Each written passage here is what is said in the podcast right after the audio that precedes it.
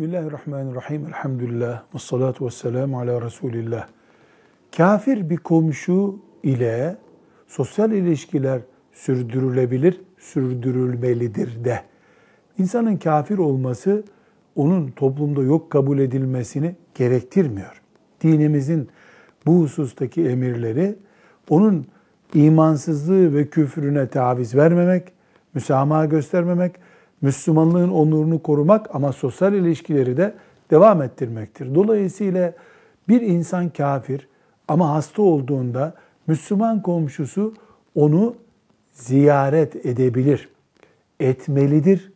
Onun hidayetine, kalbinin yumuşamasına vesile olacağını umacak bir ziyaret yapmalıdır. Geçmiş olsun demelidir.